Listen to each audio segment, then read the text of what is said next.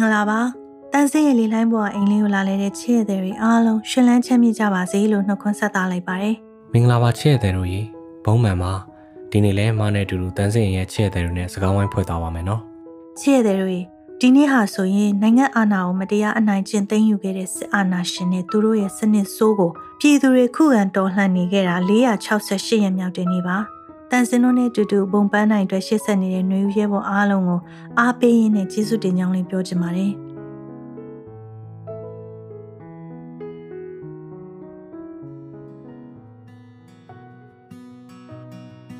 ချဲ့တဲ့တွေမတရားအာဏာသိမ်းခံရပြီးတဲ့နောက်တနှစ်ကျော်ကြာလာတဲ့အခုချိန်မှာကျွန်တော်တို့ဘဝတွေကစုပ်ပြတ်နှိမ့်ကျသွားလိုက်တာငါနဲ့မဆိုင်ဘူးဆိုပြီးမျက်ကွယ်ပြူထားလို့မရတဲ့အခြေအနေကိုရောက်လာပြီနော် 24နာရီမှာမိရလဲ3နာရီလောက်လာတလဲမလာတလဲမလို့အလောက်ကလည်းမတွင်း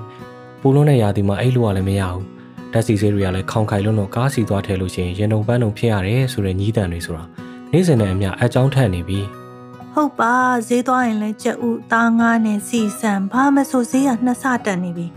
အခြေခံလူတန်းစားတွေလက်လုံလက်စားတွေမပြောနဲ့လာကပုံမှန်ရနေသေးတဲ့လူလက်တန်းစားတွေတောင်မှဈေးတစ်ခါသွားလို့ရှိရင်မျက်ဖြူဆိုင်ချင်နေပြီလို့អော်နေရတဲ့အခြေအနေမျိုး တဖြည်းဖြည်းနဲ့လူတွေကတနေ့တနေ့အာဟာရပြည့်မီဖို့ဖွဲဖွဲရရစားဖို့မစင်းစားနဲ့ရှိတဲ့ပတ်စံနဲ့မသေးဖို့ဖြစ်ညှစ်စားရတဲ့အဆင့်ကိုတစားနဲ့တစားရောက်လာနေတာညင်းလို့မရဘူး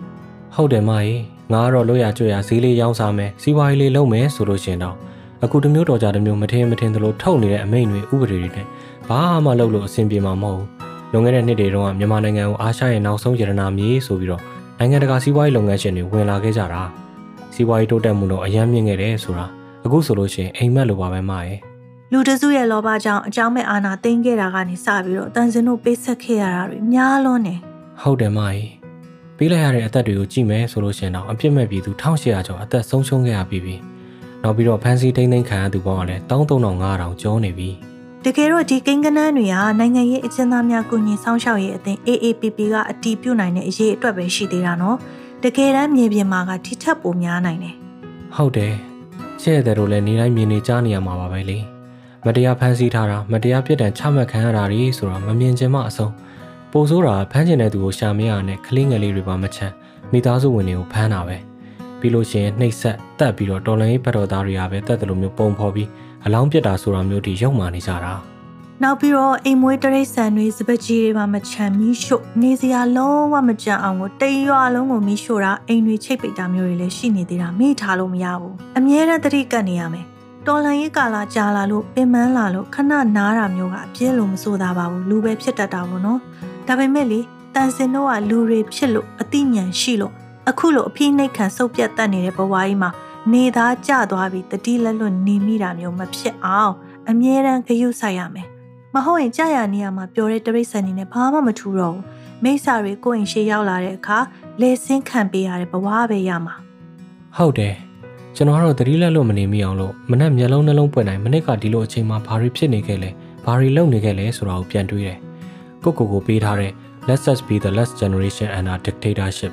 ငါတို့ကအာဏာရှင်စနစ်အောက်ကနောက်ဆုံးမျိုးဆက်ဖြစ်စေရမယ်ဆိုတဲ့တော်လှန်ရေးကတိကိုတတိယအောင်အတန်ထွက်ပြီးအမြဲတမ်းပြန်ရွတ်ကြည့်တယ်။ ကိုယ့်ရဲ့တူတူမလေးတွေကလေးလေးတွေရဲ့မျက်နှာတွေကိုကြည့်ပြီးတော့သူတို့လေးတွေကိုငါတို့လိုမဖြစ်စေရဘူးဆိုပြီးတော့ဆက်ပြီးစူးစမ်းနေတယ်မာကြီး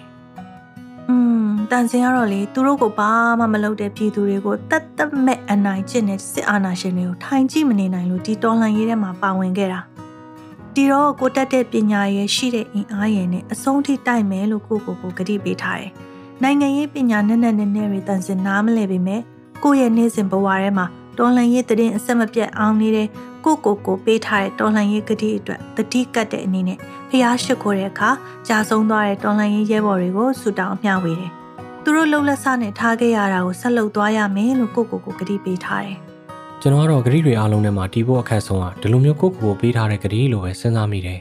။သူများကိုပေးထားတဲ့ဂတိဆိုရင်လောက်ရတာခက်ခဲရင်တောင်မှတစ်ဖက်လူမျက်နှာထောက်ရလို့တယောက်ကတိုက်တွန်းလို့ဆိုပြီးတော့မရမကဖြစ်အောင်လုပ်သွားကြတာပဲလေ တယောက်တည်းတည်တဲ့ဂရီတွေကြတော့ဘယ်သူမှလည်းမသိဘူးအပြင်ကတွန်းအားပေးမဲ့အားလည်းမရှိတဲ့ခါကြတော့မင်းမင်းပျောက်ပျောက်ထားလိုက်လို့လည်းရတယ်တိတ်တိတ်လေးကွယ်ပြောက်သွားလည်းအပြစ်ပြောမဲ့သူမရှိဘူးလေမသိကြအောင်ဆောင်းလိုက်လို့လွယ်တာပေါ့ကျွန်တော်ကတော့ကိုကိုကိုပေးထားတဲ့တော်လိုင်းဂရီကိုတည်နိုင်ဖို့ကိုကိုကိုတွန်းအားပေးဖို့အားထုတ်ဖြစ်တယ်ဟုတ်တယ်နော်ဒီတော့ကိုရင်တဲကဂတိကိုကိုယ်တိုင်တည်နိုင်ဖို့စိတ်တွန်းအားနဲ့ပဲတိုက်ရိုက်အချိုးကြတယ်လို့ပြောလို့ရတယ်ဒီလိုစိတ်အင်အားမျိုးအမြဲတမ်းရှင်သန်နေဖို့လိုတယ်ဒီတော့တန်စင်တွေးမိရဲ့သီလား တန်စင်တို့ရဲ့ຫນွေဦးရဲဘော်တွေအားလုံးမှာဒီတိုက်ပွဲမှာဝင်ပါရတဲ့အကြောင်းရင်းလည်းအမျိုးမျိုးရှိကြမှာပဲ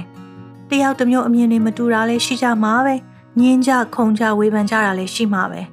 ဒါပေမဲ့ကိုယ်နိုင်ငံအတွက်ပိုကောင်းလာအောင်လုပ်ချင်နေဆိုတဲ့စေတနာအခြေခံကတော့အားလုံးအတူတူပဲ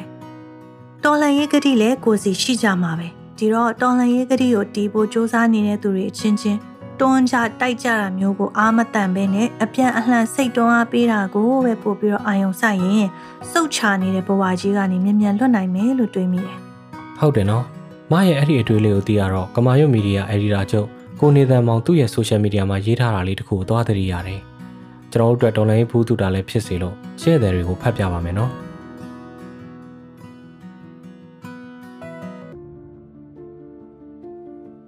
မနာလိုမုန်းတီးမှုနဲ့ဂိုင်းကနဝါဒဆွဲ jealousy and factionalism ဆိုတာမြန်မာနိုင်ငံယဉ်ကျေးမှုရဲ့ဗဟိုချက်မှမှာနှစ်ပေါင်းများစွာတည်တည်ခဲ့တဲ့ကျင်းစာစိုးတစ်ခုဖြစ်ပါတယ်။ဒီကျင်းစာဟာမြန်မာမြန်မာချင်းချဖို့အတွက်အဓိကတွန်းအားပေးပြီးအချိန်လွန် break ပေါက်ခဲ့ရင်တော့1949ဇွန်လ19လောက်ကျန်တပ်ဖြတ်မှုကြီးနဲ့1948မတ်လ28ပြည်တွင်းစစ်မီးကြီးကိုမွေးဖွားစေခဲ့ပါတယ်။ဒီနိုင်ငံရေးယဉ်ကျေးမှုကနေလမ်းခွဲမထွက်နိုင်ပဲ short တွက်ခဲ့ရက နောက်ထပ်အချင်းချင်းချတဲ့အကွဲပြဲဇလန်းတွေငယ်ကျုံငယ်နာပေါ်ကလော်တုတ်တာတွေအင်းနဲ့အားနဲ့ပေါ်လာပြီးဒီလိုဗျံပရာအခြေအနေတွေအောက်မှာစစ်တပ်ကဖက်စစ်ဝါဒကိုထူထောင်ပြီးတော့အာဏာကိုကြစ်ကြစ်ပအောင်စုပ်ကင်ဖို့အခွင့်အလမ်းရသွားခဲ့ပါတယ်။ဒါဟာ20ရာစုအတွင်းကစက်တည်ရင်မင်္ဂလာကင်းမဲ့လာတဲ့ယဉ်ကျေးမှုစိုးတစ်ခုဖြစ်ပြီးຫນွေဦးတော်လန်ရေးဟာဒီလိုအကျင့်ဆိုးမျိုးကိုပါအမြင့်ဖြတ်ဖို့လိုအပ်နေပါတယ်။မဟုတ်ရင်တော့တော်လန်ရေးလှုပ်ရှားသူတွေအချင်းချင်းဆော့ဘလော်တီးရင် တတိယအင်အားစုဆိုတဲ့ဂျန်လီမျိုးဆက်တွေကဇက်ကိုဝင်စည်းသွားရင်တော့မေးရင်နှခါနာသွားပါလိမ့်မယ်။ဥအောင်ဆိုင်ရဲ့နောက်ဆုံးအမှာစကားတိုင်းဆိုရင်တော့ခမရတို့စောက်ကျက်တွေပြင်ဖို့လိုအပ်တယ်ဆိုတာပါပဲ။1948ခုနှစ်ဇွန်လ23ရက်မှာပြောခဲ့တဲ့ဥအောင်ဆိုင်ရဲ့နောက်ဆုံးအမှာစကားကဒီလိုဗမာတွေဟာစိတ်သက်ထက်တယ်ဘာညာနဲ့တလွဲစပင်ကောင်းနေတယ်ဆိုတာနဲ့အတူတူပဲဗမာစိတ်သက်ကမဟုတ်တဲ့နေရာမှာသွားပြီးကောင်းနေတယ်တကယ်နေရာတွေကြတော့အတုံးမကျဘူး ဗမာပြည်လွတ်လပ်ရေးရအောင်ဆိုတာမျိုးမှာအတုံးမချတတ်ဘူးဗမာပြည်ပြန်လဲထူထောင်ရေးလုပ်တဲ့နေရာမှာအတုံးမချတတ်ဘူးဗမာဗမာချင်းချဖို့မှလှုပ်ချင်တယ်ဒါမျိုးတွေလှုပ်ချင်လို့ဘရော့မှအကျိုးမရှိဘူးဒီတိုင်းပြည်ဘရော့မှလည်းပြန်လဲမထူထောင်နိုင်ဘူးဒီတိုင်းပြည်ဘရော့မှမလွတ်လပ်ဘူးလွတ်လပ်ရင်လည်းဘရော့မှကြာကြာနာနာလွတ်လပ်ရေးမဖြစ်နိုင်ဘူးလွတ်လပ်ရေးကိုလိုချင်ရင်လွတ်လပ်ရေးရလောက်တဲ့စီကံကိုရှိကြပါ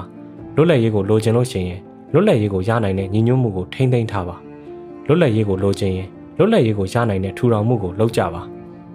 အဲ့ဒီလိုလုပ်ပြီးတဲ့နောက်ရှေ့ကိုလွတ်လပ်ရေးအရာတာကိုခန်းစားစံစားကြတယ်ဆိုရင်အလုပ်လုပ်ကြဖို့စီကံရှိကြဖို့ယခုကတည်းကခမားတို့ကိုအကျင့်ဆိုးတွေအကျင့်ဟောင်းတွေစောက်ကျင့်တွေပြင်ကြဖို့လိုပြီးဆိုတာကိုကျွန်တော်ကနေ့ပြောခဲ့ခြင်းတယ်တကယ်လွတ်လပ်တဲ့အရာတာကိုခန်းစားဖို့အတွက်နှစ်ပေါင်း80ကျော်နေတဲ့ဖက်စစ်စစ်တပ်ရဲ့ယဉ်ကျေးမှုစိုးကြီးကိုတိုက်ဖြတ်တဲ့နေရာမှာတန်စင်တို့အချင်းချင်းညီညွတ်တဲ့အင်အားကလည်းထိရောက်တဲ့လက်နက်တစ်မျိုးပဲ ဒီတော့ယဉ်ကျေးမှုစိုးနဲ့အတူတူပြည်သူတွေကြားမှာပါစွန့်ထင်းနေတဲ့အကျင့်စိုးအကျင့်ဟောင်းတွေမနာလိုမုန်းတီးမှုတွေနဲ့ဂိုင်းကနဝါဒဇွဲကျိန်စာစိုးတွေဆက်ပြီးတော့မပြန့်ပွားနေဖို့တန်စင်တို့ပြင်ကြမှရမယ်ကိုယ့်လက်ထဲကလက်နက်ကိုခြုံထက်အောင်လှုပ်ကြရမယ်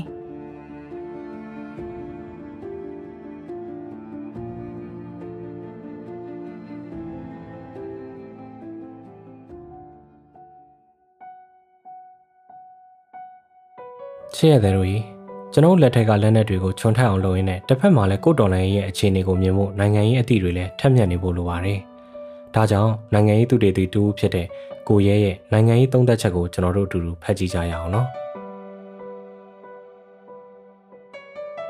ပြောရရင်2021ခုနှစ်ဆေးအာနာသိမ်းမှုဟာအတော်ကိုအတွက်ချက်မားတဲ့ဆေးအာနာသိမ်းမှု Iljes School လို့လေ့လာသူတွေကြားထဲမှာပြောကြပါတယ်။ပိုဆိုးတာကအာနာသိမ်းပြီးတဲ့နောက်ပိုင်းလူမှုအပေါ်မှာပြင်းပြင်းထန်ထန်ရရဆက်ဆက် ဖိနှိပ်ဆက်ဆံတပ်ဖြတ်ခဲ့တဲ့အခြေအနေတွေကအတော်ကိုဆိုးလာပါတယ်။စစ်ဖက်ရေးကလေးလာတဲ့မိတ်ဆွေပေါမောက်ခတယောက်ကပြောပါတယ်။ဆရာနာသိန်းနဲ့ဆိုတာအာနာယူပြီးတိုင်းပြည်ကိုအုပ်ချုပ်ခြင်းလို့ပဲ။မြန်မာပြည်စစ်တပ်လုပ်နေတာကတိုင်းပြည်ကိုအုပ်ချုပ်နိုင်မဲ့အခြေအနေမျိုးမရှိအောင်ကိုယ့်ဘာသာကိုလုပ်နေတယ်လို့ဖြစ်နေတယ်လို့မှတ်ချက်ပေးပါတယ်။ဒီလိုနှိတ်ကွက်ရက်ဆက်ဖိနှိပ်တပ်ဖြတ်မှုတွေကြောင့်ပဲလက်နက်ကင်ဒေါ်လာရင်းအဆင့်ထိရောက်ရှိသွားခဲ့တယ်။အခုအနေထားအရဆိုရင်လက်နက်ကင်ဒေါ်လာရင်းဟာကြာဆင်းရက်ဆဲသွားမဲ့အခြေအနေမျိုးမှာမရှိပါဘူး ပဋိပက္ခကိုလေ့လာကြတဲ့အခါမှာပဋိပက္ခဟာဒုဒုတဲတဲနဲ့ဖြစ်လာပြီဆိုရင် structuralize ဖြစ်သွားပြီဆိုရင်ရပ်ဖို့ခက်ခဲလာပါတယ်လက်ရှိမြန်မာလက်နက်ကင်ဒေါ်လာကြီးဟာဟိုတစ်ကွက်ဒီတစ်ကွက်ဖြစ်နေတဲ့ပုံစံကနေဒုတဲ့သဘောဖြစ်လာတာကိုတွေ့ရပါတယ်။ဒီလိုအခြေအနေမျိုးကိုတက်အနေနဲ့ထိန်းမှုအတော်ခက်ပါမယ်။လက်နက်ကင်ဒေါ်လာရေးစချိန်မှာတက်ကအလွယ်တကူထိန်းသွားနိုင်မယ်လို့လေ့လာသူတွေကသုံးသပ်ကြတာရှိပါတယ်။တက်ဆိုတာဒီလိုမျိုးလက်နက်နဲ့တိုက်ဖို့အတွက်အထူးလေ့ကျင့်ထားတာဖြစ်တော့ လက်နက်နဲ့တိုက်ရင်အလွယ်တကူနှိမ်နင်းနိုင်မယ်လို့တွက်ကြပါတယ်။နောက်ပြီးပညာရဲ့လောကမှာ institution အားကောင်းသူကသာအသာရမယ်ဆိုတဲ့ institution bias ကလည်းရှိကြပါတယ်။ဒါပေမဲ့အခုတစ်နှစ်ကျော်ကြာလာတဲ့အခါမှာအမြင်တော်ပြောင်းလဲလာကြတာသတိထားမိတယ်။လက်နက်ကင်တော်လှန်ရေးအောင်မြင်မယ်မအောင်မြင်ဘူးဆိုတာထက်တက်ကပဲထိန်းနိုင်မယ်အသာရသွားမယ်ဆိုတဲ့စဉ်းစားပုံကအတော်လေးပြောင်းလဲသွားတာကိုသတိထားမိတယ်။တက်ကထိန်းနိုင်ဖို့မလွယ်ဘူးဆိုတဲ့အမြင်မျိုးပို့ပြောလာကြတာတွေ့ရပါတယ်။ တက်ဟာ 3C control contain crush ဆိုတဲ့ဗျူဟာနဲ့တွားနေပါတယ်မျိုးပြတွေကိုကုကွညက်ညက်ရအောင်ထိန်း control လူမျိုးစုလက်နက်ကင်တွေကိုငြိမ်းချမ်းရေးဆွေးနွေးမှုနဲ့ခွေ contain PDF တွေကိုပြင်းပြင်းထန်ထန်နှိမ်နှင်း crush ဆိုတဲ့ပုံစံနဲ့တွားမယ်လို့မြင်တယ်ဒီနေရာမှာမျိုးပြကိုထိန်းချုပ်ရမှာလေ suppression normalization prolonging ဆိုတဲ့နည်းကိုသုံးနေတယ်လို့သုံးသပ်မိတယ် ဆိုလိုတာကတော့ဖိနှိပ်တဲ့နည်းလမ်းတွေကိုသုံးမယ် suppression အာနာသိမ့်ပြီးနောက်ပြည့်ယွင်းသွားပြီးပုံမှန်မဟုတ်တော့တဲ့အခြေအနေကိုလူတွေနေသားကြသွားအောင်လုပ်မယ် normalization of the post coup abnormality ပြီးတော့သူ့ရဲ့အုပ်ချုပ်မှုကိုရှေ့အောင်ဆွဲဆက်မယ် prolonging its rule ဒီလိုနဲ့သူ့ရဲ့အာဏာကိုတီးဖို့စ조사တယ်လို့မြင်ပါတယ်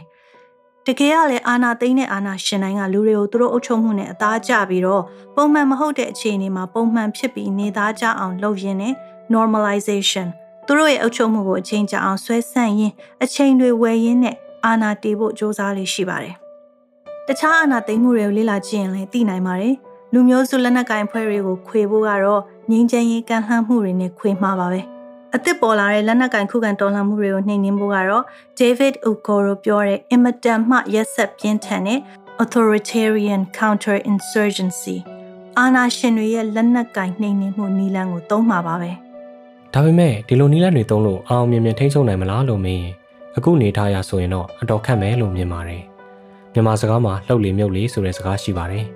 ဒီစကားနဲ့ဆင်တူတဲ့ဂျာမန်ဝါရာတစ်လုံးရှိတယ်ဇက်ဇွန်နဲ့ဒီစကားလုံးကစစ်တူရင်နဲ့ဘယ်ကဝါရာဆိုလိုချင်တာက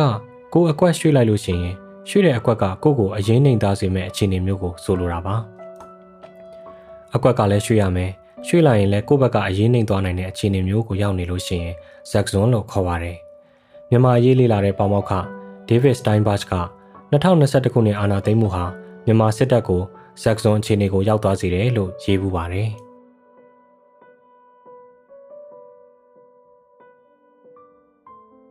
ခြေတွေကိုရဲရဲ့သုံးသက်ချက်ကိုကြည့်မယ်ဆိုရင်အကြမ်းဖက်စစ်တပ်ဟာအခုအချိန်မှာလှုပ်လေမြုပ်လေစုပ်လဲဆူစားလဲယူရမယ့်အခြေအနေကိုရောက်နေပြီနော် ဟိုတလောကလေစစ်ကောင်စီကောင်းဆောင်ကိုယ်တိုင်မျက်စိပြက်မျက်နှာပြက်နေညွှန်းချွန်းရေးဆွေးနွေးခြင်းလို့ပါလာတွေ့ကြပါဆိုပြီးတော့ဖိတ်တာကိုတိုင်းရင်းသားတော်လှန်ရေးအဖွဲ့တွေကညင်းလိုက်တာလဲတည်င်းထဲမှာကြားလိုက်တယ်ဟုတ်တယ်ပြည်သူတွေနဲ့အတူတူနေဦးတော်လှန်ရေးတပ်ဦးမှာရှိနေကြတဲ့ကရင်မျိုးသားစီယုံ KNU ကချင်လွတ်လပ်ရေးအဖွဲ့ KIO ကရင်နီအမျိုးသားတိုးတက်ရေးပါတီ KNPP နဲ့ချင်းမျိုးသားတိုးတက်ရေးပါတီ CNF တို့ကညင်းလိုက်တာငញ្ញိုင်းဆွေးနွေးမှုနဲ့ခွေးပြီးကွန်တိတ်လုံးမှာကိုလက်မခံဘူးဆိုတာကိုပြလိုက်တာပဲလေ။ နိုင်ငံကိုအုပ်ချုပ်ချင်လို့အာဏာသိမ်းထားတဲ့အဖွဲ့အစည်းတစ်ခုအနေနဲ့အရှက်ဗျံဗျံကွဲတာပဲဒါပေမဲ့သူတို့ကရှက်လဲရှက်တက်မှာမဟုတ်ပါဘူးလေရှက်တက်လို့ရှင်ဝန်ထမ်းတွေ CDM လုပ်ပြီးတနိုင်ငံလုံးနှိပါဆန္ဒပြနေတဲ့အချိန်တွေကဆင်းပေးလိုက်တာကြာပေါ့ဟုတ်တယ်မရဲ့ခုနကကိုရဲရဲ့သုံးသက်ချက်ထဲရလို့ပဲဒီလိုအချိန်တွေရောက်လာပြီဆိုတော့သူတို့ကသူတို့မှရှိတဲ့လက်နက်အားကိုနဲ့ပိုးပြီးတော့ရက်ဆက်ပိုးပြီးတော့ပြင်းထန်တဲ့ဖိနှိပ်မှုတွေလောက်လာမှာပဲဟိုတနေ့ကဖတ်လိုက်ရတဲ့နိုင်ငံတကာသတင်းပေါက်ထဲမှာ ယူကရိန်းကိုကျူးကျော်နေတဲ့ရုရှားစစ်သားတွေကသူတို့သိမ်းပိုက်လို့ရတဲ့နယ်တွေကိုမိသူရိုဇက်တွေပါယူလာတယ်တဲ့။ဘာလို့ဖို့လဲဆိုတော့အဲ့ဒီနယ်မြေတွေမှာသူတို့ကျူးလွန်တဲ့ဆေးရဆွဲမှုတွေကိုဖျောက်ဖျက်ဖြစ်ဖို့သူတို့တက်လိုက်တဲ့အပြစ်မဲ့ပြည်သူတွေရဲ့အလောင်းတွေကိုလက်ဆဖျောက်ဖို့ပေါ့။အဲ့လိုအချိန်မှာကျွန်တော်စိတ်ထဲစကားစားတက်တွေမိရှို့တက်လိုက်လို့တဝက်တစ်ပြက်မီးလောင်ပြီးတော့ရုပ်ပြက်ဆင်းပြက်ဖြစ်နေတဲ့ပြည်သူတွေရဲ့ရုပ်အလောင်းတွေပေါ်လာတယ်။ဘာတွေးမိလဲဆိုတော့ငါတို့နေရတဲ့တိုင်းပြည်မှာတက်မတော်သားဆိုပြီးသူတို့ကိုသူတို့ခေါ်နေကြတဲ့သူတွေက သူများနိုင်ငံကိုနေချက်ဝင်လုပ်နေတဲ့စစ်သားတွေထက်တောင်မှအစ်စ်နှိမ့်ကြလိုက်တာဆိုပြီးတော့ခံပြင်းစိတ်တောင်ဝင်မိတယ်ဟုတ်ပါနော်သူများနိုင်ငံကိုကျူးကျော်တဲ့သူတွေကမှလူတက်ပြီးရင်တော့မှမီးတကြိုဆက်တဲ့ထဲဖို့မြင်မြုပ်ဖို့တွေးမိသေးတယ်ဒါမျိုးလောက်တာမကောင်းဘူးသူများမသိအောင်ဖုံးဖိဖျောက်ပြက်ပြရမယ်ဆိုတဲ့အတိအရှိသေးတယ်အမလေးစစ်ကောင်စီဘတ်တော်သားတွေကတော့ကို့ပြည်သူကိုသူတို့နေတဲ့မြို့ထဲရွာတဲ့လမ်းပေါ်တောင်မှမရှောင်ပေါ်တင်ကိုတတ်တယ်